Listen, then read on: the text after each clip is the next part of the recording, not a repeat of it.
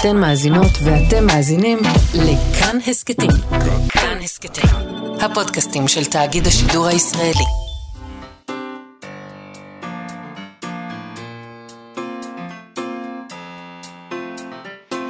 מה שכרוך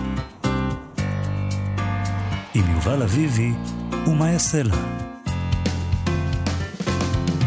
שלום, צהריים טובים, אנחנו מה שכרוך, מגזין הספרות היומי בכאן תרבות, יובל אביבי ומאיה סלע ב-104.9 ו-105.3 FM. אפשר למצוא אותנו גם ביישומון ובאתר של כאן וביישומוני ההסכתים. איתנו באולפן המפיקה שלנו, תמר בנימין, על הביצוע הטכני, יובל יסוד. שלום לכם, שלום יובל. שלום מאיה, אנחנו מתחילים עם ידיעה עצובה על uh, הסופר והמתרגם אורי אורלב שנפטר אמש בגיל 93. כתב עשרות ספרים, בעיקר ספרי ילדים ונוער, חלקם הפכו לפריטי חובה בספריות שלנו, בספרייה שלי לפחות, האי ברחוב הציבורים כמובן, חיית החושך. אה, חיילי עופרת, ספרו הראשון היה אוטוביוגרפיה שמספרת על ילדותו בתקופת השואה. אה, הוא כתב, אה, זה התפרסם ב-1956 כשהיה בסך הכל בן 20 וחמש. נכון, והספרים של אורי אורלב תורגמו לעשרות שפות, היו לרבי מכר, הוא זכה בפרס אנדרסן הבינלאומי לספרות ילדים ונוער, פרס זאב לספרות ילדים, פרס ביאליק לספרות יפה לשנת 2006. הוא גם תרגם מפולנית והביא לעברית ספרים כמו המלך מתיה הראשון של יאנוש קורצ'אק, קבו ואדיס של הנריק סנקביץ', וגם כמה ספרים של סטניסלב לאם. אה, הוא נולד בוורשה בשנת 1931, כשפרצה המלחמה גויס סביב לצבא הפולני. בשנת 1940 הוא נשלח עם משפחתו לגטו ורשה. אה, בשנת 1943 חלתה עמו והיא נרצחה על ידי הגרמנים בבית החולים בגטו. הוא ואחיו אה, הומלטו מן הגטו, אבל הם הגיעו למחנה הריכוז ברגן בלזן, וכשנגמרה המלחמה, הם הצליחו להשיג אישורי כניסה לארץ ישראל ועלו ארצה. אה, והוא נודע אה, כמי שהצליח לכתוב על הזוועות האלה מנקודת מבט של ילד ונער, בשפה שגם הייתה מובנת ונהירה לילדים ובני נוער, והצליחה איכשהו אה, לחבר אותם לנושאים האיומים האלה. שר התרבות והספורט חילי טרופר ספד לו ואמר, אורי אורלב, זיכרונו לברכה, היה מהסופרים החשובים והמוערכים בתרבות הישראלית. ספריו של אורלב הצליחו לתאר את ילדותו בשואה ואת עלייתו ארצה. ולהנגיש את הקושי גם לילדים ובני נוער בעזרת הכתיבה הייחודית לו. מורשתו של אורי, ששזורה בספריו, תישאר איתנו כאן שנים רבות. הוא הביע צער אה, והשתתפות בצער אה, המשפחה, יהי זכרו ברוך הוא כתב. נגיד רק שההלוויה תתקיים ביום חמישי בשעה חמש וחצי אחר הצהריים בבית העלמין בקיבוץ מעלה החמישה. ואנחנו רוצים עכשיו לדבר עם הבן של אורי אורלב, עם איתמר אורלב, שהוא סופר בעצמו, סופר שאנחנו מאוד אוהבים. נכון. אה, בתוכנית הזאת, מחבר הספר הנפלא, בנדיט, שזיכה אותו בפרס ספיר, ביקורים, שגם הוא, יש, עוסק שם בפולין, הוא, הוא, הוא חוזר לפולין באיזשהו אופן של אחרי מלחמת העולם השנייה, אה, וכותב על יחסים מורכבים, ב, מורכבים בין אב לבנו. שלום איתמר אורלב. שלום. תנחומנו, כמובן, על מות אביך. אה, אה, רציתי לשאול אותך בוויקיפדיה, אולי נתחיל עם מתמטיקה, איתמר. Okay. אוקיי. בוויקיפדיה כתוב שהוא נולד ב-1931, אה, כלומר, חשבנו שהוא בן 91, אבל אתה אמרת לנו שהוא בן 93. איך נוספו לו שנתיים? מה שקרה זה שבסוף המלחמה אבא שלי ואח שלו אה, היו עם דודה שלהם בברגן בלזן, הדודה סטפה, שהיא למעשה הצילה אותם במלחמה אחרי שאימא שלו נרצחה. אמ, וכששחררו אותם, אז היא הייתה אישה מאוד חכמה, בזכותה הם בהחלט אה, ניצלו. אה, וכשהסתיימה המלחמה והצבא האמריקאי שחרר אותם, אז ילדים קטנים קיבלו יותר אוכל. Mm. ואבא שלי נראה צעיר לגילו, אז, ולא היה לו שום תעודות איתו, אז בתעודות שהאמריקאים הוציאו לו, הם רשמו שהוא נולד באלף, היא אמרה להם לרשום שהוא נולד ב-1933. Mm. אה, וכך הוא קיבל יותר אוכל. וכשהיא שלחה אותם אה, קיבוץ אה, בארץ, ובעצמה נסעה לדרום אפריקה, אז היא אמרה לאבא שלי שיגיד שהוא יותר, יותר צעיר ממה שהוא, כדי שהוא יזכה לו קצת ילדות, הרגיש שהוא פספס את הילדות שלו בגלל המלחמה. אה, מעניין. כשהוא הגיע, הוא אמר שהוא נולד ב-31. לא היה לו נעים לשקר יותר מדי. ו... וככה זה התקבע, ואז במשך שנים היה לו לא נעים מהצבא, שהוא התגייס שנתיים באיחור, הוא הרגיש שהוא רימה אותם. אז, אז הוא לא תיקן, אוקיי. אה, הוא אמר בזמנו בריאיון, לפני איזה עשר שנים, הוא, הוא אמר, אני לא מסוגל לחשוב על זה, או לכתוב את זה, או לספר על מה שקרה מתוך נקודת מבט של אדם מבוגר. זו טראומה שאני לא מוכן להתנסות בה, בשבילי זה כמו לעלות על קרח דק. בכלל לא בטוח שאני אוכל לחזור אם הקרח יישבר. אני שומר על עצמי שמירה אינסטינקטיבית, לא להיכנס לתוך הבור הזה, ומעניין אותי, לאור הדבר הזה, איזה, איזה מין אבא הוא היה בהקשר הזה? כלומר, איך אתה חווית את... אתה יודע, אנחנו קראנו את האי אה, ברחוב הציפורים, חיית החושך, אבל זה אבא שלך. כן, אבא שלי, אה, אמ, אני מניח שזה גם היה בניסיון להגן עלינו, אבל בעיקר על עצמו, אמ, סיפר תמיד על השואה כמו שהוא, כמו שהוא כתב עליה, באמת מנקודת המבט של הילד, אמ, ו... ולכן סיפור, סיפורי השואה שלו, שבעצם ליוו את חיינו, זה היה ממש חלק, חלק, חלק מהחיים שלנו, ולא היה בזה, משהו מיוחד מבחינתנו, אה, היו סיפורים אה, באמת מאותו נקודת מבט, בגלל זה הם גם הרבה פעמים היו מצחיקים ומרגשים ומרתקים, ולא רק אה, סיפורי שואה כבדים. אה, ו, ובאמת מתוך אינסטינקט הוא הבין שהוא לא יכול להתמודד עם זה כמבוגר. אני זוכר שפעם, לפני הרבה שנים, עלתה השאלה שהוא ייקח אותנו, ש, שפולין, שנפתחו הגבולות לפולין, שהוא ייקח אותנו, הילדים איתו לוורשה, לראות איפה הוא גדל, והוא לא רצה, הוא פתאום הבין שהוא לא רוצה כי הוא פחד שאם הוא יהיה איתנו שם, הוא ייאלץ להסתכל על הילדות שלו מהמבט של האבא המבוגר, ולא ממבט הילד, שבעצם גונן עליו כל השנים. אז הוא סירב בכלל למבט הזה עד הסוף, זאת אומרת, הוא מעולם לא אימץ את המבט הזה, לא היה רגע שהוא אמר, רגע, בוא, בוא נסתכל על זה כמבוגר. אני מניח שזה, שזה, שזה יותר מורכב, כי זה מבט אה, של ילד ש, ש, ש, שנעשה על ידי אדם מבוגר, אבל אה, כן, אני חושב שהוא באמת, אה, זה, זה ככה בנה את עצמו. אני, זה, זה, לא, זה לא הייתה מתוך החלטה, אני חושב שה... שמה שהוא אמר בריאיון זה היה בעצם מתוך תובנה, כשהוא הבין ש, ש, שזה למעשה מה שהוא עושה באופן אינסטינקטיבי. אתה בתור uh, ילד, קראת את הספרים שלו? כן. ו... לא מיד, אבל קראתי. ו- ובעצם היה על הכתפיים שלו תפקיד מאוד מאוד uh, גדול. בעצם הוא היה הדבר הזה בשביל כולנו, השם הזה שכל מערכת החינוך בעצם uh, השתמשה בספריו. כדי, uh, כמו שחילי טרופר השתמש במילה הזאת, שר התרבות, להנגיש זו מילה שהיא קצת בעייתית אולי, אבל, אה, אבל זה מה שזה עשה. זאת אומרת, היה לו תפקיד נורא גדול במובן הזה שנושא שאי אפשר לטפל בו, שאנחנו לא רוצים שילדים יקראו עליו, שאנחנו לא רוצים לגשת אליו בכלל, שהוא מזעזע ונורא, והוא הצליח בכל זאת להיות השער לילדים לתוך הדבר הזה. כן, אבא שלי מהבחינה הזאת הוא היה מהפכן. הוא באמת אה, לקח את, אה, את הנושא המאוד כבד ומורכב הזה של השואה, וכמו שאמרת, באמת הנגיש זו מילה בעייתית, אבל הוא, מבחינתו לכתוב על השואה והספרים שהוא כתב, הוא בעצם רצה לכתוב ספרי, ספרי הרפתקאות, והם מתרחשים בשואה, כי זו, זאת הילדות שהוא הכיר. אמ, אני זוכר שהוא פעם סיפר לי שבשנות ה-60 הזמינו אותו לאיזה בית ספר לדבר ביום השואה, והוא דיבר והתלמידים צחקו, והמורות נורא כעסו עליו, ואמרו לו, אתה הפכת את יום השואה לבדיחה. Mm. אמ, אבל הוא התמיד בזה, הוא לא הפך את זה לבדיחה, אבל הוא הפך את זה לדבר ש, שזה באמת, הוא הכניס בעצם חיים לתוך התמונות האלה, שאף ילד לא יודע איך להתמודד איתם בכלל. אה, וזה בהחלט, מה, מה, זה בהחלט המהפכה שהוא עשה. אתה גם, אה, כשאתה כתבת, אה, בעצם חזרת ביחד איתו אולי, ספרותית נגיד, תגיד אתה בעצם, אם אני לא עושה פה פסיכולוגיה בגרוש, סליחה. חזרת לפולין, טיפלת בדבר הזה שנקרא אב ובן, שזה כמובן, כל האבא ובן זה סוגיה...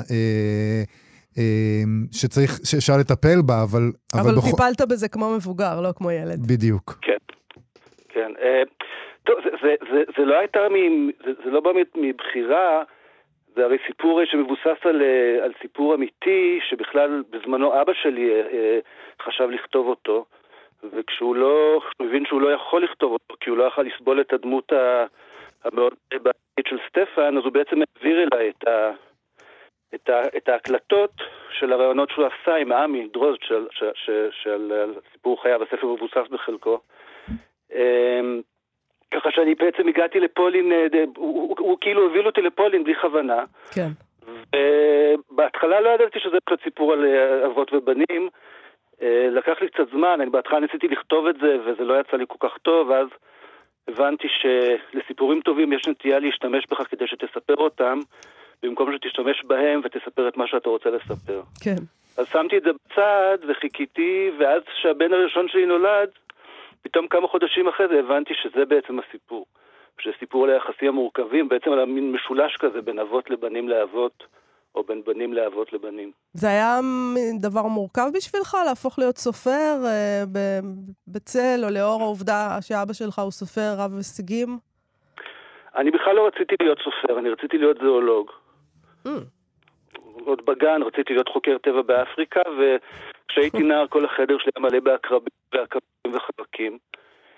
אמ, אבל אה, בשנת, אה, כשהייתי בן 20 בערך, איזה לילה, פתאום כתבתי סיפור קצר, ובבוקר קמתי ואמרתי לאבא שלי, כתבתי סיפור קצר, והלכתי לעבודה, עבדתי אז במעבדה באוניברסיטה, וכשחזרתי הביתה, הוא אמר לי, קראתי את הסיפור שלך. ואז אמרתי לו, נו, ואהבת אותו? אמר לי, כן. אז אמרתי, יופי. ואז הוא אמר לי, טוב, בוא נלך ונשב אה, לתקן אותו, היה שם כמה שגיאות. ואז אימא שלי חזרה הביתה. ישבנו על המחשב שלו. היא שאלה, מה אתם עושים? אז אבא שלי אמר לה, איתמר כתב סיפור קצר. אז אימא שלי שאלה, אני יכולה לקרוא? אז הוא אמר, כן, זה בסלון. אז היא קראה את הסיפור, ואהבה אותו, ונכנסה לדיכאון. היא צעקה, אל... היא צעקה לחדר שינה, ספרו למקצוע. אז אבא שלי צעק לה בחזרה, את נשמעת כמו הדודה סטפה. ואז, זה היה הפעם היחידה שפתאום אבא שלי סובב אליי את המבט שלו, וזה לא היה מבט של אבא שלי, זה היה מבט של הסופר. Mm. הוא אמר לי בשקט, אל תקשיב, אף פעם אל תקשיב למה שאומרים לך, תמיד תעשה את מה שאתה רוצה. וזה, ופה נתן לי בעצם את האישור מבחינתו אה, לכתוב אם אני רוצה לכתוב. ובאמת מאז לא הפסקתי לכתוב וויתרתי על החלום של להיות זואולוג. חכה, עוד לא מאוחר, אולי תוכל לשלב. איתמר, אני רוצה לשאול אותך לסיום, אה, כל השנים גרתם, אבא שלך חי בירושלים, אה, ואתה גדלת בירושלים, כן. והוא ייקבר ביום חמישי בבית העלמין בקיבוץ מעלה החמישה. כן. ומעניין אותי למה במעלה החמישה. שהכירו בשנות ה-60, אני חושב שזה היה 64, אמ, אבא שלי אז עכשיו עבד, היה, היה רפתן בקיבוץ רמת יוחנן, ואימא שלי הייתה סטודנטית אה, שהתחילה ללמוד בירושלים, ואז הם החליטו לגור ליד ירושלים, והם עברו לקיבוץ מעלה החמישה. והיו, השנים הראשונות שלהם כזוג היו שם, אבא שלי היה סופר ורפתן, ואימא שלי הייתה סטודנטית. אה, וב-68 הם עברו ל, לימין משה, אבל זה תמיד היה מקום ככה מיוחד בשבילם, וגם בשבילנו, היינו נוסעים לבקר שם הרבה. אוקיי, okay, אז uh, איתמר uh, אורלב, אני מודה לך מאוד על השיחה הזאת, אני משתתפת בצערך, אנחנו משתתפים בצערך, אורי אורלב, סופר ורפתן. uh, תודה רבה לך, איתמר. תודה רבה. תודה רבה. להתראות. Uh, יובל, אנחנו נשמע איזה קטע, יש לנו איזה קטע שמע. כן. דיברנו כאן על הדרך שבה אורי אורלב כתב על השואה ועל מלחמת העולם השנייה, uh, על האופן שבו הוא כתב את זה לילדים ונוער. אז בואו נשמע קטע שמצאנו בארכיון שלנו, שם הוא מתראיין ומספר בדיוק על הדבר הזה בקולו שלו. Uh, בתוכנית מי סופר ליום הזיכרון לשואה ולגבורה משנת 1994. תוכנית בהנחיית גדי טאו. וגם ילדים וילדים שואלים אותו שאלות. אותו. כן, נכון. בואי נשמע. יש לי שאלה לאורי. אמ, מה אותך עצמך דחף מאוד לכתוב? הרי הרבה אנשים עברו את השואה הנוראה הזאת. מה הניע אותך במיוחד? אמנם אה, באמת הילדות, זאת אומרת, כמובן שהילדות שלי הייתה, הייתה בשואה, וכל סופר, או כל מספר, משתמש הרבה בחוויות של הילדות, מפני שחוויות של הילדות נחרטות הכי עמוק, ואנחנו הכי זוכרים את החוויות של הילדות, הם גם בונים אותנו, עושים אותנו. ולכן, אבל אני פשוט מספר, מפני שאני מספר. אבל אתה כתבת, אתה אומר שאתה מספר על עצמך, פשוט מספר. כן. למשל, בספר האיש מהצד האחר. נכון. אתה לא, אתה לא כותב על עצמך, זה מסופר על ילד שהוא, שהוא נוצרי. נכון. אז uh, בספרים שלי תמיד יש חלק דמיוני וחלק אמיתי. ובכל ספר, אפילו בספר הזה שהזכרת, האיש מן הצד האחר, שהוא כתוב על ילד נוצרי, יש גם משהו ממני, ואני יכול להגיד לך מה. כשאני הייתי מאוד קטן, לא ידעתי שאני יהודי. כן. אה, בבית שלנו לא היה שום דבר יהודי, ואנחנו גרנו בין נוצרים, גרנו בכפר בכלל. אה, אבא שלי היה נוסע כל בוקר אה, רבע שעה בערך, או עשרים רגע לעיר, למרפאה שלו, ואנחנו גרנו בכפר, ואני שיח- שיחקתי עם הילדים הנוצרים, הפולנים, ואני זוכר שהיו באים רוכלים יהודים אה, לבושים בבגדים שחורים ועם זקנים, והיינו זורקים עליהם אבנים, חוץ מרוכל אחד נכה, שילד אחד אמר שעל נכה אסור לזרוק, הכומר לא מרשה, ויום אחד הם אמרו לי שאתה יהודי. אז שאלתי, אז שאלתי אותם, אז התחלנו לדבר, מה זה יהודי? אז ילד אחר אמר, בעצם, וזה דבר מאוד מעניין מה שהילד הזה אמר, שהוא היה ילד קטן מאוד, אולי בן חמש, או ארבע, או חמש, משהו כזה. אולי הוא היה בעצם מהגדולים יותר, זאת אומרת שש או שבע. הוא אמר, כולם נולדים יהודים, ואחרי שמטבילים אותך בכנסייה, אז אתה לא יהודי. ואז הלכתי לאימא ושאלתי אותה אם הטבילו אותי בכנסייה, אז היא אמרה, לא, אנחנו יהודים. וככה לאט לאט אה, אה, נודע לי שאני יהודי. אבל התחושה הזאת של הילד הפולני הזה, שבספר האיש מן הצד האחר, אני בהחלט חוויתי אותה.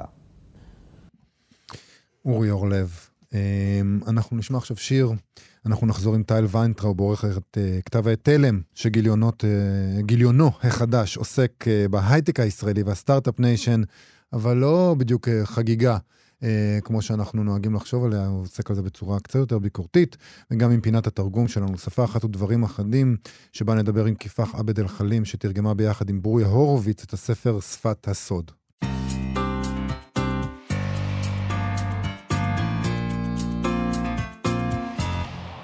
מצמצמים את הפער ההולך וגדל בין תעשיית ההייטק לבין שאר החברה הישראלית, ומה בעצם מהות הפער הזה? Uh, בשנתיים האחרונות נראה שהגענו לשיא, ובמדינת ישראל נוצרו שתי חברות, חברת ההייטק והחברה הישראלית. כך כותבים עורכי כתב תלם, אדם רז וטל ויינטראוב, בגיל... בגיליון החדש שמוקדש לסטארט-אפ ולניישן. כתב תלם מגדיר עצמו ככתב עת לשמאל ישראלי, והמו"ל שלו היא קרן ברל כצנלסון. הבעיה היא, הם כותבים, שכשראש הממשלה לפיד אומר מיליון עובדים להייטק, הוא מעודד את המגמה שבה כל מי שיכול או יכולה לעזוב את המקצוע, מאנשי תקשורת, דרך מורות למתמטיקה ומדעים, ועד משרתות ציבור במשרדי הממשלה, אכן עוזבים להייטק, ומקצועות בעלי תפקידים חשובים לקיומה של כל חברה מדלדלים. קו ישר מתוח בין המסיבות הגרנדיוזיות לשביתות המתמחים, המורות והסייעות ונהגי האוטובוסים. ככל שהסטארט-אפ הולך ונפרד מהניישן, כך המערכות הציבוריות הולכות ונשחקות, והחברה הישראלית כולה הופכת לפחות שוויונית וסולידרית. לא מדובר בכוח טבע, אלא במדיניות ממשלתית, והיא יכולה וצריכה לייצר שיווי משקל ראוי שיהפוך את ההשפעה להדדית וטובה לשני הצדדים. ולכן, אנחנו חייבים לדבר על ההייטק, יובל. על מה שמאפשר אותו ועל המחירים שכולנו משלמים, על תרבות ההערצה שנוצרה סביבו ומשמרת את המדיניות שמפרידה אותו מכולנו. ואתה יודע, זה...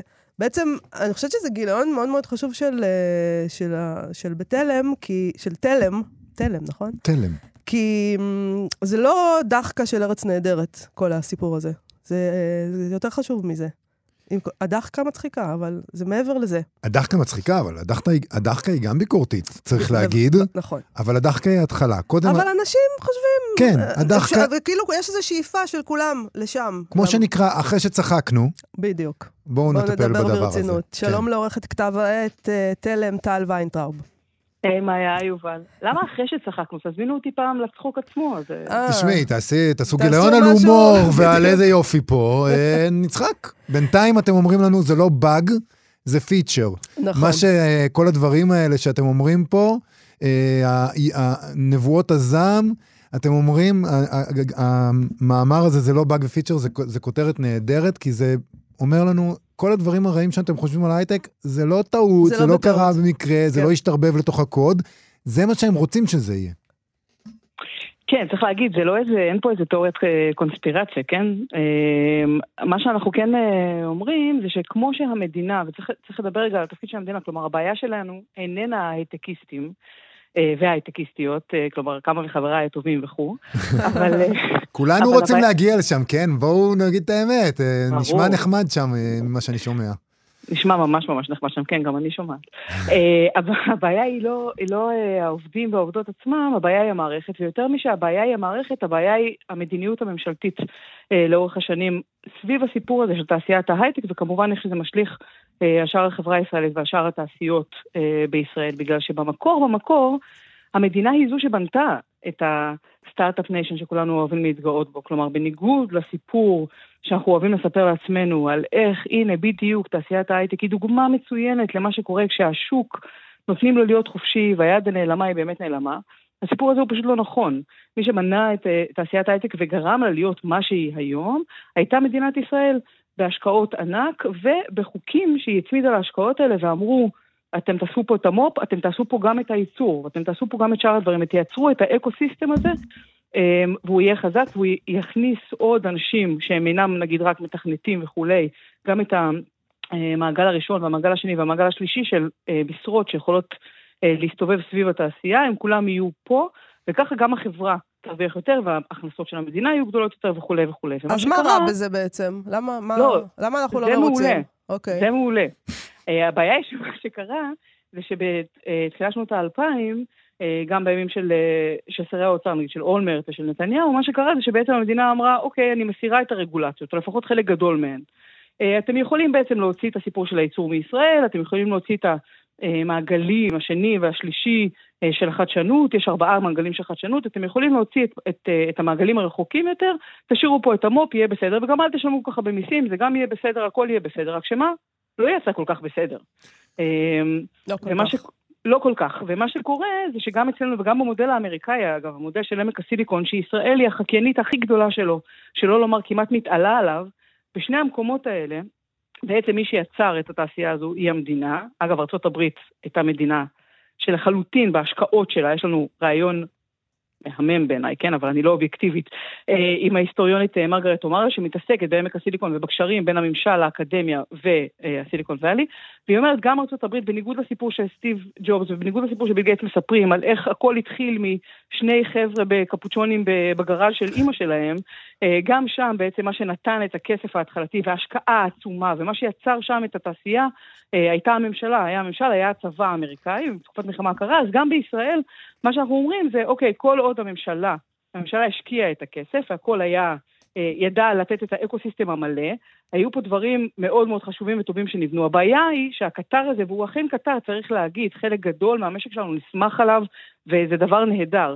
רק שהוא קצת איבד את הקרונות שלו, וגם כמעט כבר אין לו מסילה לנסוע עליו. והדבר הזה הוא דבר בעייתי, ומעבר לסיפור של הכנסות המדינה שהיו יכולות להיות גבוהות יותר, ומעבר לסיפור של המון משרות שהלכו לאיבוד, יש לזה גם השפעה לפערים שנוצרו בין מי שנמצא בתוך התעשייה, או לכסף שמתגלגל בתוך התעשייה בישראל לבין שאר החברה הישראלית, הפערים האלה יש להם המון המון מחירים שהם לא רק המחירים של עולם התעסוקה, ולזה שיש המון, נגיד אפילו חבר'ה מהעולם שלכם, בסדר? אה, אה, חיות כיס, צבי אברהם ושלום סטרסקי עשו על זה פרק כן. מצוין על למה אתם בהייטק. לא רק שאנשים רוצים לעזוב להייטק, אלא ש...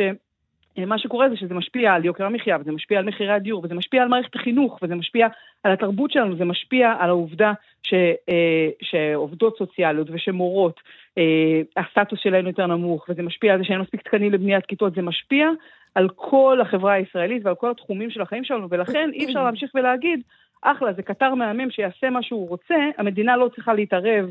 מבחינת רגולציה, לא צריכה להגיד, בוא, יש, יש הגבלות מסוימות, או אני את, משקיעה... אתם גם אומרים שהמהפכה הטכנולוגית תרמה באופן מכריע לתהליכי הקצנה פופוליסטית, העמקת פערים והתפוררות המערכת המדינתית, עד כדי כך. וכדי להתמודד עם הבעיות האלה, השמאל צריך להתייצב מול ההייטקיסטים. כן, זה לא אנחנו אומרים, צריך לתת פה קרדיט אה, לפרופסור סיביל היילבון ולחוקר רן היילבון, שהוא הבן נכון. שלה. אתם, אה, זאת אומרת, אה, זה ממאמרים, ש... ממאמר שיש לא, ב- בתלם. האמת שזה זה היה ממש אה, נחמד מה שהם עשו, כי אנחנו כש- כשהלכנו, כשביקשנו מסיב לכתוב לנו אה, מאמר, זה היה ממש אה, בהתחלה של הגיליון, ואמרנו, טוב, נעשה מאמר על ההייטק, ונגיד כמובן, אנחנו לא נגד ההייטק, הייטק זה דבר טוב, זה חשוב, אה, אבל צריך להסתכל על ההשלכות שלו. ואז היא שלחה לנו, הם שלחו לנו גרסה ראשונה של המאמר שלהם, ובה הם כתבו פחות או יותר משהו כמו...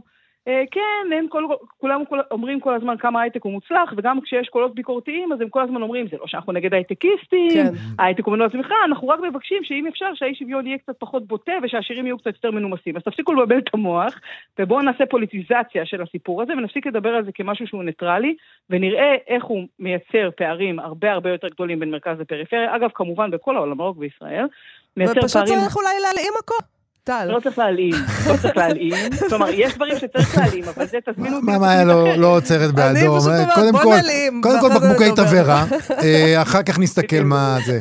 לא, רגע, לא, אבל- אבל זה עניין באמת- אנחנו לא- אנחנו לא קומוניסטים כמוך עד הסוף, כן? כן. אבל אתם. אבל את אתם באמת אומרים, אתם, בתוך הגיליון הזה, אתם אומרים, אז צריך, השמאל, אם אתם רוצים להיות שמאל, אתם צריכים להסתכל טוב טוב על ההייטק ולהבין מה זה אומר, ולהבין מה זה אומר זה להתייצב מולו, בזמן שהמגזר הזה של ההייטקס, כמו שקוראים לו, והשירי ההייטק, זה המגזר שלכם, של השמאל מרכז, אה, של לא, מי ש... כן, אתה חושב? כן, נדמה לי שכן. אה, באמת? נגיד אם אנחנו מסתכלים על... אה, יש לכם מאמר פה אמנם, על, אה, על תרומות. אם אנחנו נכון. מסתכלים, אה, אה, זה מאמר לא כל כך, שמצביע על דברים אחרים, אבל בגדול, אם אנחנו מסתכלים על אה, הכוחות שמניעים כל מיני תנועות אה, אה, אה, מגיעות, תנועות שכאילו, שמשויכות לשמאל, התרומות שלהם מגיעות מה, מההייטק הרבה פעמים. התרומות שלהם דווקא, כמו שאורני פטרושקה כותב, לא מגיעות מההייטק מספיק לצערנו, כן. אבל אתה צודק, אם מה שאתה רוצה להגיד לי זה, זה נורא נחמד שאתם אומרים בואו תהיו ביקורתיים על ההייטק, אבל בואו נדבר על זה, ההייטק הוא חלק ממחנה המרכז-שמאל, אתה צודק במאה אחוז. אה, רוב המצביעים, ויש אה, באינפוגרפיקה שיש בתחילת אה, הגיליון, אפשר לראות, ש, או בוא נגיד אפשר לראות באופן של, שעושה התאמה, כן, אין פה נתונים מדויקים, אבל בוא נגיד ככה, רוב ההייטקיסטים משתייכים לעשירונים 9-10, רוב העשירונים 9-10 מצביעים למרכז-שמאל, אוקיי? כן. אז זה נכון שרובם משתייכים למחנה מבחינת העמדות הפוליטיות שלהם, או לחילופין מבחינת הפתק שהם שמים בקלפי. ועם זאת, שוב, הסיפור הוא לא בואו נלאים את כל התעשייה, הסיפור הוא כן, בואו נסתכל על דברים בצורה ביקורתית. אה, והצורה הביקורתית הזאת אומרת, אי אפשר להתייחס למה שקורה בתעשייה, ובעיקר בהשלכות שלה, על שאר החברה הישראלית, בלי להגיד, רגע, רגע, רגע, המדינה צריכה לעשות את התפקיד שלה. התפקיד שלה הוא להתערב. היא לא צריכה להלאים את התעשייה, התעשייה יכולה לצמוח לבד, היא יכולה לעשות את זה גם עם הרבה פחות השקעות של המדינה, הכל בסדר, זה מצוין, היא עושה את זה נהדר. המדינה כן צריכה להיות נתב.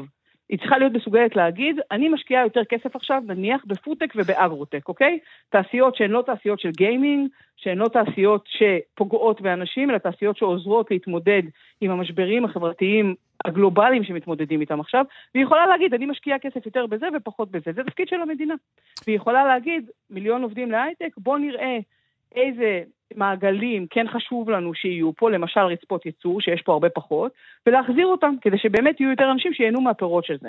אז שוב, לא הלאמה, כן הסתכלות ביקורתית, וכן להגיד, זה התפקיד של המדינה, והיא צריכה לחזור לעשות אותו כמו שצריך, גם במקרה הזה. אגב, טוב, גם אבל- במקרים אחרים, אבל זה לא השיחה שלנו להיום. מנוע של ההייטק, אה, מנוע מרכזי שלו הוא, צה"ל, אז כאילו, אה, מה שההייטקיסטים בישראל לומדים לעשות בהיכרות שלהם הראשונה עם המחשבים זה מערכות ביטחון, אז אה, חקלאות זה פחות שמה. נכון, אגב, גם בריאיון הזה עם מרגרט אומרה, היא אומרת, היא אומרת, יש, צריך להסתכל על הסיפור הזה שבו אם מי שבונה, או מי שרוב הקנייה של, ה, של תוצרי ההייטק זה התעשיות הביטחוניות, שוב, גם בישראל וגם בארצות הברית, אה, זה בעצם מכוון מאוד את התעשייה עצמה ואת לאן היא הולכת ובמה היא משקיעה. ויש בזה בעיה כמובן. אנחנו צריכים עוד מעט לסיים, אבל אנחנו חייבים לדבר על החינוך. אה, יש גם חייבים. מאמר בגיליון הזה שעוסק בחינוך, ואנחנו נכון. יודעים, אה, כשנפתלי בנט היה שר החינוך, הוא גם דיבר על זה, הוא דיבר שר על כך... החינוך ההייטקיסט הראשון. כן. בדיוק, הוא, היה, הוא דיבר על זה שבעצם מערכת החינוך, מה, זה לא בדיוק מה שהוא אמר, אני עושה לזה קצת הגזמה, אבל בגדול, מערכת החינוך צריכה לייצר הייטקיסטים טובים. לא, נכון, אבל אנחנו לא- מדברים פה הרבה בתוכנית גם, עזוב נפתלי בנט, הוא לא המציא את זה. אנחנו נכון. מדברים על דלדול אה, של מדעי הרוח, מה מה נכון. קורה לנו עם הדבר הזה. מתמטיקה אה, ופיזיקה זה ובעצם, אם, עוזר. אה, לפי מה שקראתי בתלם, אה, אז לחברות ההייטק יש יד ורגל בדבר הזה, יש כתובת לטענה שלנו. לגמרי, כן. קודם כל זה נורא חשוב. אנחנו בעצם פה בשביל לייצר לכם כתובות לתלונות. על מי, לזרוק את. בקבוקי התבערה, כי בדיוק, בדיוק, כי הכנתם כבר, חבל עליהם. נכון. אה, לא, אז כן, אז מה שצריך להגיד זה שערן תמיר, דוקטור ערן תמיר, כשהוא כותב את המאמר שלו, הוא בעצם אומר ככה, ואת זה כולנו יודעים אגב, מערכת החינוך נתונה להמון המון המון התערבויות בוטות, אוקיי? מהורים, שמבחינתם זה שיש להם ילד או ילדה במערכת החינוך, שלא לומר מבחינתם זה שהם היו בעצמם ילד או ילדה במערכת החינוך, זה כבר אומר שהם יודעים יותר טוב מה צריך לעשות נכון. מאשר המורות והמנהלות וכולי. ועד חברות עסקיות, אגב, ההייטק לא המציא את זה, תחשבו על טרנד החינוך הפיננסי שהיה לפני כמה שנים, שבו נציגים של בנק הפועלים באו ללמד את הילדים שלנו איך הם צריכים לחסוך, או לחילופין, כמה טוב להם לקחת הלוואה. כן, אוקיי? כן. זה לא דבר חדש, אבל תעשיית ההייטק מעורבת בצורה, אה, כך אה, ערן תמיר טוען, אה, ונותן לזה סימוכים, מעורבת בצורה מאוד מאוד עמוקה ומאוד מאוד רחבה בתוך מערכת החינוך, ומערכת החינוך מקבלת את זה, היא מקבלת את זה בגלל החולשה האינהרנטית שלה, בגלל שהיא צריכה כסף, בגלל שהיא צריכה להוכיח את עצמה, בגלל ששמו לה מדדים כל הזמן, וכל מיני דברים שהם מאוד מאוד מזוהים עם הערכים של, התעש... של תעשיית ההייטק, ולכן היא מתאימה את עצמה ומיישרת קו. ומה שהוא אומר, הוא אומר, יש פה בעצם התערבות משני סוגים, אוקיי? הדבר הראשון זה בעצם התעשייה עצמה שמתערבת, יש כל מיני אה, ארגונים שפועלים איתם בשיתופי פעולה ומייצרים כל מיני חונכויות לילדים ומביאים מנהלים לראות משרדים של הייטקיסטים, שזה נורא נורא מגניב, והרי ברור שכולנו נרצה ללכת לשם אחר כך, והתנדבויות שנותנות להייטקיסטים להרגיש טוב עם עצמם, או שוב לחברות ההייטק להרגיש טוב עם עצמם, וגם מייצרות איזו ציפייה כזאת, או איזה רצון כזה של, של התלמידים והתלמידות ושל ההורים שלהם וכולי וכולי, להגיע לשם. וההתערבות השנייה בצורה הזאת היא בעצם התערבות באמת שהיא דרך הממשלה, זה לא רק נפתלי בנט, גם שרת החינוך הנוכחית וכבר הכריזה שבעצם אה, הרצון הוא אה, לעשות איזשהו חינוך שהוא חינוך אה, להייטק או חינוך למדעים ולתעשייה ולטכנולוגיה מגיל הגן ועד התיכון, כי זה נורא נורא חשוב. כי אי אפשר להתחיל מוקדם מדי. ארבע, תלמד לתכנת, בדיוק, בדיוק. אז uh, הסיפור הזה, הסיפור של המעורבות הזו, הוא בעצם מה שהוא עושה, הוא מכוון באמת שוב את המערכת לתוך המקום הזה שאומר מדעים זה טוב, מתמטיקה זה טוב, אנגלית זה טוב, אגב, אין פה הרבה עניינים שקשורים לסיפור של המיצ"ב ולציונים של הילדים, כי יש הרבה מחקרים שאומרים שבשנים האחרונות דווקא הציונים שלהם עולים, אוקיי? אבל זה כן, מה שזה עושה, זה מכוון מאוד את הילדים ואת הילדות שלנו למקום הזה, וכמובן, אז כשעושים רפורמה שאומרת, בואו נעשה בגרויות פנימיות במקצועות אה, הומניים, אה, כי זה כמובן ייתן יותר עומק, אבל זה מסמן שזה פחות חשוב, זה דבר שהוא נורא נורא מובן מאליו, כשהתפיסה שלנו הופכת להיות תפיסה שאומרת, מה שחשוב זה שהילדים שלנו ידעו להגיע להייטק. טוב, האנשים האלה הורסים אותנו, בקיצור. אה, איך אפשר, אה, אנחנו ממש נגענו אה, על קצה המזלג, אז בואי תספרי למאזינים שלנו איך אפשר להשיג את כתב התלם, כדי שהם יוכלו לקרוא את זה בצורה מעמיקה. אז שוב, אני אגיד באופן הכי לא אובייקטיבי, הדבר הכי טוב לעשות הוא פשוט להיכנס לאתר שלנו ולעשות מינוי. אה, אה, הוא עולה גרושים, אתם לא צריכים להיות עובדי הייטק בשביל זה, אה, ואפשר לקבל שלושה גיליונות וספר מתנה הביתה, ויש לנו גם מינוי פרימיום שהוא נורא נורא מגניב, אז אפשר לעשות את זה, וחוץ מזה הוא נמצא בחנויות הספרים הפרטיות המובחרות. אה, ואם אה, מישהו או מישהי לא מצליחים להגיע לא לזה ולא לזה, שישלחו לי מייל, אנחנו נמצא דרך לשלוח להם גיליון. תלם, טל ויינטראוב, העורכת הראשית, תודה רבה לך על השיחה הזאת. תודה לכם. להתראות. עכשיו, שפה אחת ודברים אחדים. מה שכרוך בכאן תרבות, אנחנו עם פינת התרגום שלנו, שפה אחת ודברים אחדים. אנחנו היום נדבר על רומן חדש שיצא בסדרת מכתוב מבית מכון ון ליר בהוצאת פרדס. שפת הסוד זה נקרא, של הסופרת הלבנונית נג'ווה ברקת, שתורגם על ידי שתי מתרגמות, כיפח עבד אל-חלים וברוריה הורוביץ. אה, היום איתנו כיפח עבד אל-חלים, שלום כיפח. היי, שלום, שלום.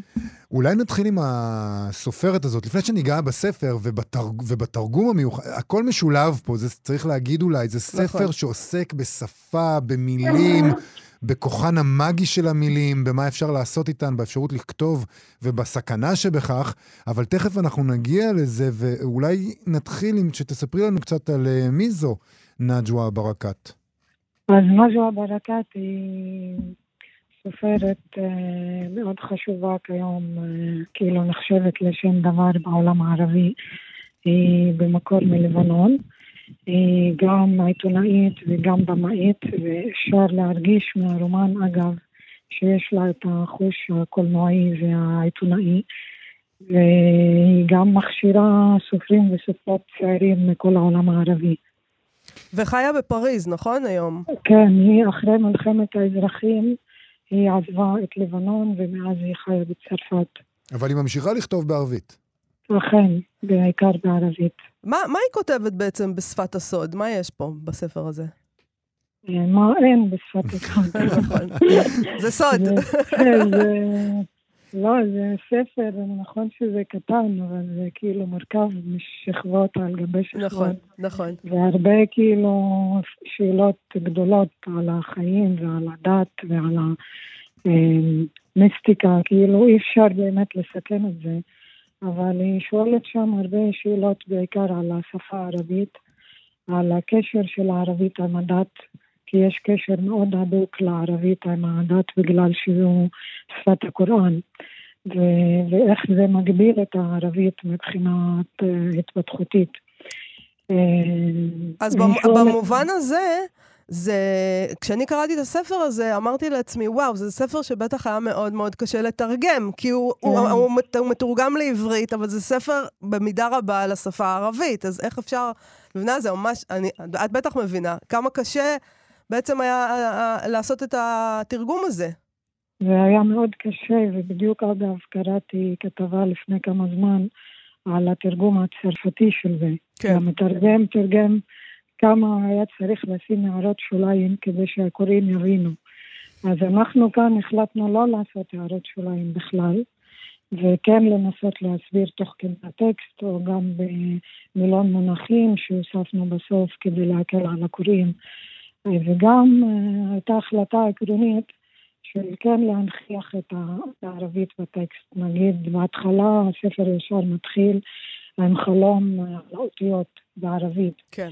והיינו צריכים להשאיר את האותיות בערבית, כי החלום קשור לצורה של האותיות גם, ולזה שהאות תא, נגיד, יש עליה שתי נקודות שנפלו ממנה, והאות יא אה, שוחה בים, כאילו כל מיני דברים כאלה שאם לא היינו משאירים את האותיות בערבית, זה בכלל לא היה מובן. את חושבת שגם עכשיו... בצרפ... בתרגום לצרפתית השאירו את זה? ידוע לא. לך? אני לא חושבת שהוא השאיר, הוא היה צריך לשנות שם יותר דברים. עם העברית זה יותר קל, כי זה גם שפות יותר דומות, נכון. ואפשר גם קצת יותר להבין, אבל זה לא היה מלאכה קלה, בוא נגיד, זה היה ממש טוב ששתי מתרגמות עבדו על זה, שלא אני לבד, שהייתה גם ברוריה, ושכל אחת מאיתנו הביאה את ה... את שפת אם שלה ואת ה, כאילו ההבנה שלה גם לשפה השנייה, לא רק לשפת האם שלה. אה, וזה מאוד עזר, אבל גם היינו, תוך כדי התהליך קיבלנו הרבה החלטות עקרוניות. נגיד, השארנו הרבה מילים שהן באות מהעולם הסופי. החלטנו לא לתרגם אותם, החלטנו להשאיר את אה, מזר, שזה אתר עלייה לרגל, מוריד, שזה תלמיד סופי, אה, חרקה, שזה גלימה גלימה שהם לובשים, וזו דוגמה טובה אגב חרקה, כי אם היינו מתרגמות את זה כגלימה, זה היה נשמע כמו גלימה ששייח לובש, אז זה היה לוקח אותה, את הקורא לשייחים סעודים, משהו מאוד מבודר כזה. כן. וחרקה של הסופים זה, יותר דומה לסמרטוט מאשר לגלימה. אז זה, זה משהו מאוד פשוט, מראה את הצניעות שלהם, את החיי הסגפנות. אז uh, החלטנו פשוט להשאיר את זה ככה, ולהסביר לקוראים בסוף, שמנו מילון מונחים קטן, שהם יכולים להסתכל שם ולהבין מה זה בדיוק חרקה. אני רוצה לשאול אותך, בהמשך לדברים שאמרת בתחילת השיחה שלנו, הסיפור בעצם עוסק במין אה, אה, אגודה, במין חבורת אחים סופים ששומרים על הסוד, הסוד הוא סוד השפה. ובעצם אה, הספר מתייחס לשפה בצורה דו-ערכית. מצד אחד זה סוד זה דבר שחשוב, שקדוש, זה דבר שצריך uh, לשמור עליו, להגן עליו. מצד שני, זה דבר מסוכן, שלא כולם יכולים שתהיה להם גישה אליו, ועדיף להשאיר uh, אנשים uh, רחוק ממנו, רק למעטים. זה מה שהאחים חושבים. כן. זה מה שהאחים הסופים חושבים. נכון. שזה משהו ש...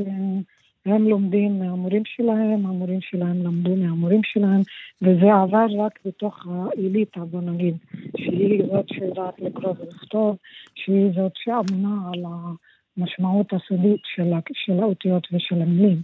אבל בעצם נג'ווה ברקת מותחת ביקורת מאוד גדולה על הדבר הזה. Mm-hmm. כאילו, כל הספר הוא ביקורת על האנשים שמנכסים לעצמם את השפה.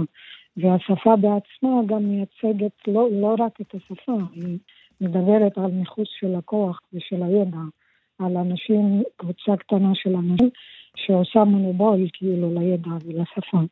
ו- והיא מאוד ביקורתית על זה בספר, כאילו זה חלק מהסיפור, שהיא- שהיא מציגה את האחים, וזה שהם עובדים על המילון שלהם בצורה חשאית, ולא רוצים שזה יגיע לאנשים. כל הגישה הזאת, כאילו, היא- מתייחסת אליה דווקא בביקורתיות. היא לא. היא לא מעודדת את זה, להפך. בהחלט, אז זה שפת הסוד. אה, בתרגום שלך, כיפה עבד אל-חלים וברוריה הורוביץ, אה, הספר של הסופרת הלבנונית ג'אג'ו ברקת, ויצא עכשיו, כמו שאמרנו, בסדרת מכתוב מבית מכון ון ליר והוצאת פרדס. תודה רבה לך על השיחה תודה הזאת. לכם. תודה רבה, ביי. להתראות. להתראות. אה, יובל, אנחנו, יש לנו כמה הודעות. אה, יש לנו את פסטיבל המשוררים במ- במטולה, איתו נסיים, כמו שאומרים. איתו נסיים. אז הוא התקיים השנה בחודש ספטמבר. אתמול אה, הם פרסמו את התוכניה שלהם, וגם את דבר זוכי פרס אביב לשירה. מי הם? הזוכים בפרס אביב לשירה הם המשוררת נועם פרטום והמשורר, העורך והמבקר אלי הירש. בוועדת הפרס ישבו אפי בניה, מנכ"ל בית הקונפדרציה, לצידו המנהלים האומנותיים של פסטיבל המשוררים, שירי לב-ארי ובני ציפר. הם החליטו להעניק את הפרס, אה, אני מצטטת, לשני היוצרים על תרומתם הבולטת והחדשנית בתחום השירה. הם כתבו, נועם פרטום, משוררת ופרפורמרית, שינתה במידה רבה את פניה של השירה העברית בלשונה עוצמתית והצלולה, הפורצת דרך ועם זאת נשענת על מסורות עתיקות של השירה. בשני קובצי שיריה שהתפרסמו עד כה, ניכר קול נשי וירטואוזי שלא נשמע עד כה, המעמיד אותה בשורה אחת עם גדולי האשפים של השפה העברית. ברוחו של הפסטיבל, המייחס חשיבות לביקורת הספרות ולעריכה הספרותית שבלעדיהן לא הייתה זוכה שירת הארץ הזאת לתפוס מקום מרכזי בתודעה הישראלית, החליטה הוועדה, הם כותבים, להעניק את פרס אביב גם לאלי הירש, מי שגילה וטיפח וליווה במידה רבה את צמיחתה של נועם פרטום כמשוררת גדולה, זאת לצד תרומותיו הרבות האחרות כעורך ומבקר וכמשורר בזכות עצמו. שירתו של אלי הירש מתחילתה ועד היום מצטיירת כטריטוריה של אינטימיות שובת לב, תמצות מרבי של עולם הרגש ושל מחוות ידידות וזיכרון לאנשים אהובים. אלי הירש, שמאחוריו שנים של כתיבת ביקורת ספרות בעיתונים, זכור לקהל הקוראים בעיקר אה, על טור השירה הקבוע והבועט שלו בעיתון ידיעות אחרונות. מה זה זכור? אה, זאת אומרת, הוא עדיין כותב אותו. כן. זה לא, מהזיק... לא צריך זיכרון, פשוט צריך לקרוא כל שבוע את העיתון. אה, שהאיר, הם כותבים על זה משום מה בלשון עבר, שהאיר, מה אני אומרת? שמאיר מדי שבוע לפני הקוראים פינה מרתקת נוספת מעולם השירה. אלי הירש הוא הרוח החיה והחשאית מאחורי עשרות, אם לא מאות, ספרי שירה ופרוזה שהוא היה העורך והמייעץ והמלווה שלהם. פרס אביב ניתן לו, אם כן, הן על שירתו והן על עבודתו רבת השנים מאחורי הקלעים, כעורך וכמבקר שירה. טוב, ברכות, אה, ברכות. לזוכים. בוודאי. נגיד אה, מילה על הפסטיבל הזה. כן. אה, השנה, פסטיבל המשוררים ממטולה חוגג 25 שנים. המנהלים האמנותיים שלו, בני ציפר ושירי לב-ארי, מסרו שאנחנו מרגישים שנפלה בחלקנו זכות גדולה לערוך את תוכנית הפסטיבל בשנתו ה-25. הצלחנו להביא לבמה אחת גוונים מרובים ושונים כל כך של משוררים ולהרכיב קואליציה ספרותית רחבה ככל, ככל האפשר. קואליציה. מה בני ציפר מנסה להגיד לנו פה על הקואליציה? אני בטוח Mm, שהוא מנסה להגיד משהו על שירה. על שירה. על שירה, זה אוקיי. הכל מאוד נקי. Mm. Uh, הבעיה היחידה בפסטיבל, הם אומרים, שהקהל ייאלץ להתלבט לאיזה אירוע לרוץ קודם ועל מה לוותר בצער בתוך השפע העצום של הפאנלים והמפגשים. נכון, באמת יהיו שם הרבה דברים. נכון, מה למשל? למשל? למה למשל? Uh, למשל, uh, הפ... קודם כל, הפסטיבל יוקד... יוקדש השנה uh, לגשרים שבין הדורות בשירה העברית המודרנית. Uh, כמו שהזוכים בפרס, יש גשר של אה, עורך ומשוררת שהוא חנך. אז אה, כאן... כן, אבל הוא, אה, הוא גם משורר בעצמו. נכון. שהוא זוכה על שירתו. נכון. אז כאן הם למשל אומרים לנו, נגיד, אה, אה, מי אברהם שלונסקי, המכונן הגדול של השפה העברית, שהיה לא רק משורר מרכזי, אלא גם עורך חשוב ומשפיע שחידש, שחידש את השפה, ועד השירה הנכתבת היום ברשתות החברתיות, שהפכו תחליף לבתי הקפה עם החבורות הספרותיות של פעם. זה מה שהם אומרים, זה הקשר. נכון, כן? נכון. שעליו הם ידברו על הגשר הזה. כן. יהיו גם uh, אירועים על נושאים עכשוויים, כמו השירה האוקראינית והשירה הרוסית, שתי ספרויות אחיות הם קוראים להם. אה, ועכשיו הן נאלצות גם להילחם זו בזו, אה, גם בשירה וגם למרבה הצער. באמת. אירוע הפתיחה, הם מוסרים, אה, יוקדש לאברהם שלונסקי במלאת אה, 50 שנה למותו. מאיר ויזלטיר, אותו הם מכנים, האחרון שנשאר מדור הנפילים של שירת שנות ה-60, יהיה שם. בהודעה לעיתונות נכתב שמאז ומעולם מיעט להופיע, והיענותו להזמנת הפסטיבל לקרוא משיריו בקולו, היא אירוע שאין להחמיץ. ויזלטיר יקרא שירים חדשים שטרם פורסמו, וגם ידבר על מפעל תרגומיו. בסדר, אה, יהיו עוד הרבה דברים. כדאי להיכנס לתוכניה, כי באמת יהיו עוד הרבה דברים, עם אה, מחווה לארז ביטון, נכון. ורוני סומק, ואגי משול, ומחווה ואייל לאבות מגד. ישורון. אבות ישורון, אה, כדאי להסתכל. רק. נגיד שזה יקרה אה, בשמונה ועד העשרה בספטמבר. אמת לאמיתה. אה, שזה אוטוטו. נכון. אה, הכינו כרטיסים. אה, זה הכל בחינם, אגב, אבל צריך כנראה להז- להזמין כרטיסים. כי, כן, כי אה, המקומות כדי מוגבלים. שיהיה מקום. אה, וזה זמננו לסיים, יובל. תודה רבה לתמר בנימין, המפיקה שלנו, וליובל יסוד שעל הביצוע הטכני. בואו לבקר בעמוד הפייסבוק שלנו ושל כאן תרבות. אנחנו נהיה פה שוב מחר, להתראות. להתראות.